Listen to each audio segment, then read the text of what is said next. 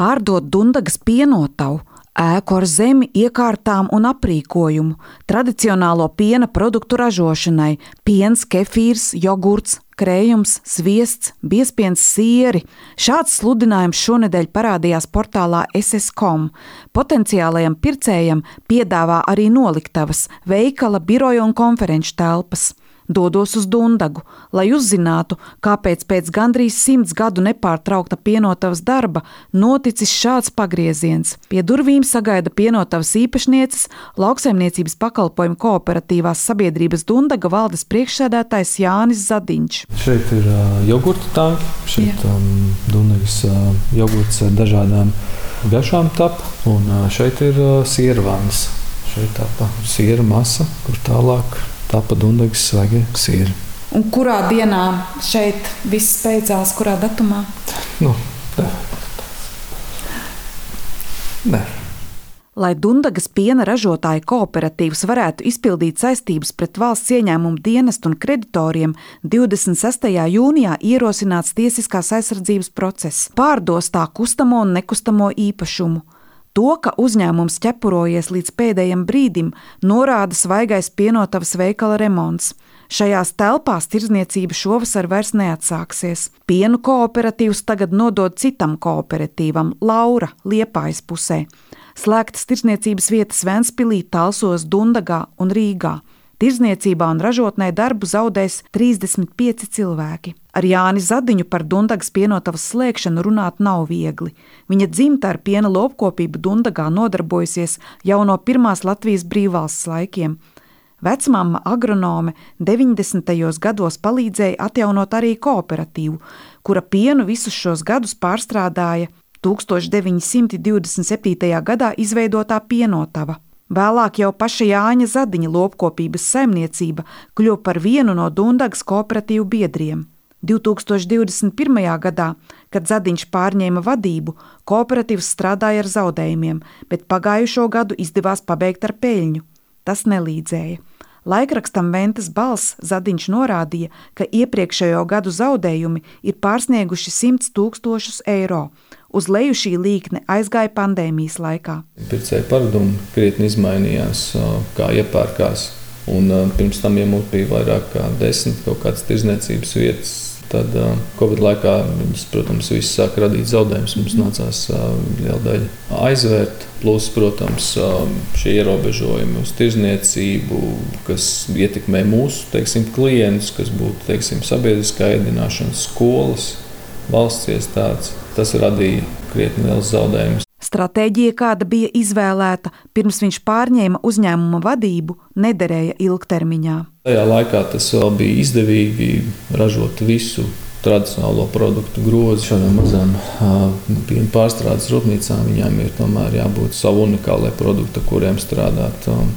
Tradicionālais piens, kefīrs un biespiens nu, nebūs tie produkti, ar kuriem varēs rentabli nodrošināt darbību. Dundagas pienotavā pie sienas gan vēl ir plakāts ar pircēju iecienītajiem Dundagas jogurtiem un knapsieriņiem, kādus citviet neražoja ar skāpkrējuma sviestu, ko savulaik iepirka pat restorāns Vincents, un ar Latvijas zinātnieku patentēto veselīgo skāppiena produktu labdaris. Taču pēdējā laikā daudzi pircēji iespējams taupījuši tik ļoti, ka pārtikas plauktā vienkārši izvēlējušies lētāko alternatīvu. Inflācija, kas arī ļoti stipri teiksim, ietekmē visus peļņas rādītājus un principā radīja krietni liels zaudējums šīm mazajām piena pārstrādes um, rūpnīcām tas diezgan fatāli. Piena cenu svārstību dēļ savilkt galus kopā kļuva sarežģītāk arī 26 kooperatīvu biedriem, jo daļu piena dundadznieki pārdod arī citur un arī Latviju skarot globālās tendences. Pēc industriālajiem piena produktiem samazinājies pieprasījums Āzijas tirgū, un, acīm redzot, tamdēļ šobrīd Latvijā daudz aktīvāk cenšas iespiesties Lietuvas un Polijas ražotāji. Arī Ukraiņas stāsts šī Eiropas izvēle tomēr uh, līdzēt uh, valstī uh, kara apstākļos un, un atvērt savu tirgu, lai palīdzētu finansiāli tur cilvēkiem pastāvēt vēl krietni grūtākos apstākļos. Protams, tas radīja papildus spiedienu uz vietējiem šeit ražotājiem. Tāpat tās varam skatīties Dunkas veikalā, parādījās teiksim, Ukraiņas piena izstrādājumi. Jā. Sieri. Tā cīņa par to pircēju ir ļoti asa un nežēlīga šajos laikos. Ir ļoti grūti šādos pārmaiņu laikos ar ļoti augstiem riskiem teiksim, būt konkurētspējīgam, palikt tirgu. Jāņa Zadiņa teiktajam absolūti piekrīt Latvijas piensaimnieku centrālās savienības valdes priekšsēdētājs Jānis Šolks, apstiprinot, ka šobrīd maziem piena pārstrādes uzņēmumiem izdzīvot ir ekstrēmi grūti. Nesen darbību beigusi gan Sijā Elpa Kazdangā, gan akciju sabiedrība Limbažu siers Limbažos. Šāda situācija, kāda ir pasaulē, un tā skaitā piena nozarē, viņa ir ļoti netipiska šobrīd saistībā ar vispārējo pasaules krīzi, saistībā ar karu, saistībā ar attiecīgu energoresursu izmaksām, nu, visu, ko mēs jau zinām. Un tādos kritiskos brīžos, diemžēl tā ir klasika, ka visiem uzņēmumiem var neizdoties izturēt to. Un, eh, diemžēl viens no tādiem arī bija Dunkaga. Uzņēmēja darbības formai šajā bēdīgajā iznākumā pat nav būtiskas nozīmes, vai tas ir SIA vai kooperatīvam piedarošs uzņēmums, uzsver piensaimnieku pārstāvis.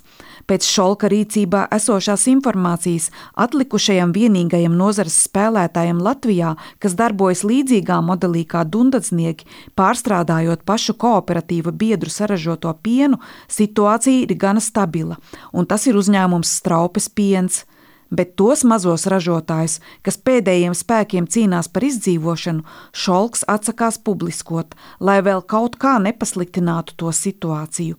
Viņš gan vērš uzmanību uz būtisku nozares problēmu, kas samazina izredzes tādiem spēlētājiem kā Dunkas piens.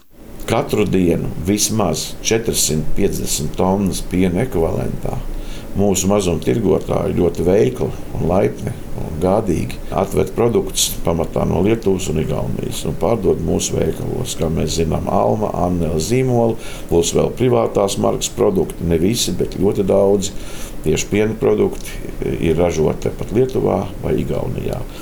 Latvija ir vienīgā valsts, kur ir šāda situācija. Viskliedzošākā esot ārzemēs ražota dzeramā piena proporcija - vairāk nekā 50% no kopējā apjoma, jeb 200 tonu dienā. Mūsu mazumtirdzniecībā nonāk piens, kas nav Latvijas izcelsmes, uzsver piensaimnieku organizācijas vadītājs.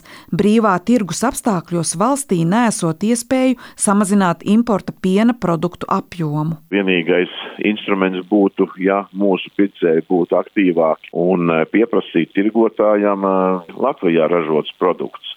Bet nu, tas nebūs vienkārši, jo mēs ļoti labi zinām, ka tirgotājs mēģina piedāvāt produktu, kur ir ļoti grūti atpazīt. Liela daļa sabiedrības, kā SKDS pētījums liecināja pāris gadus atpakaļ, vismaz 42% no tiem, kas bija iegādājušies Latvijas izcelsmes produktus, nezināja, ka tie nav Latvijas produkti. Piena nozarē ļoti pieredzējušais Sijā trikātas piens izveidotais Evalds Putniņš, kurš agrāk strādāja uzņēmumā Limbažu piens, bet pēdējos gados kopā ar dēlu Rolandu trikātā ražoja bioloģisko zilā pelējuma sieru un vienīgie Latvijā arī zilā pelējuma kausēto sieru apliecina, ka lietuviešiem piederošā Maksima tīkla veikalos Latvijā viņa ražojumiem ne laikā, kad strādājis Limbažos, ne arī trikātas periodā, tā arī nesot atradusies vieta.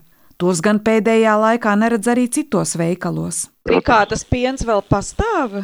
Protams, ka pastāv. Nu, mēs cīnāmies eh, nosacīt, mēs cīnāmies tādā veidā, ka mēs ar, ar sieru ražošanu mēs esam iepauzējuši. Jā. Mēs esam pilnīgi oficiāli iesnieguši prasību līdz rudenim, ka mēs neveicam piena pārstrādi patreizē. Lai tie trakumi visi noiet un tad skatīsimies tālāk.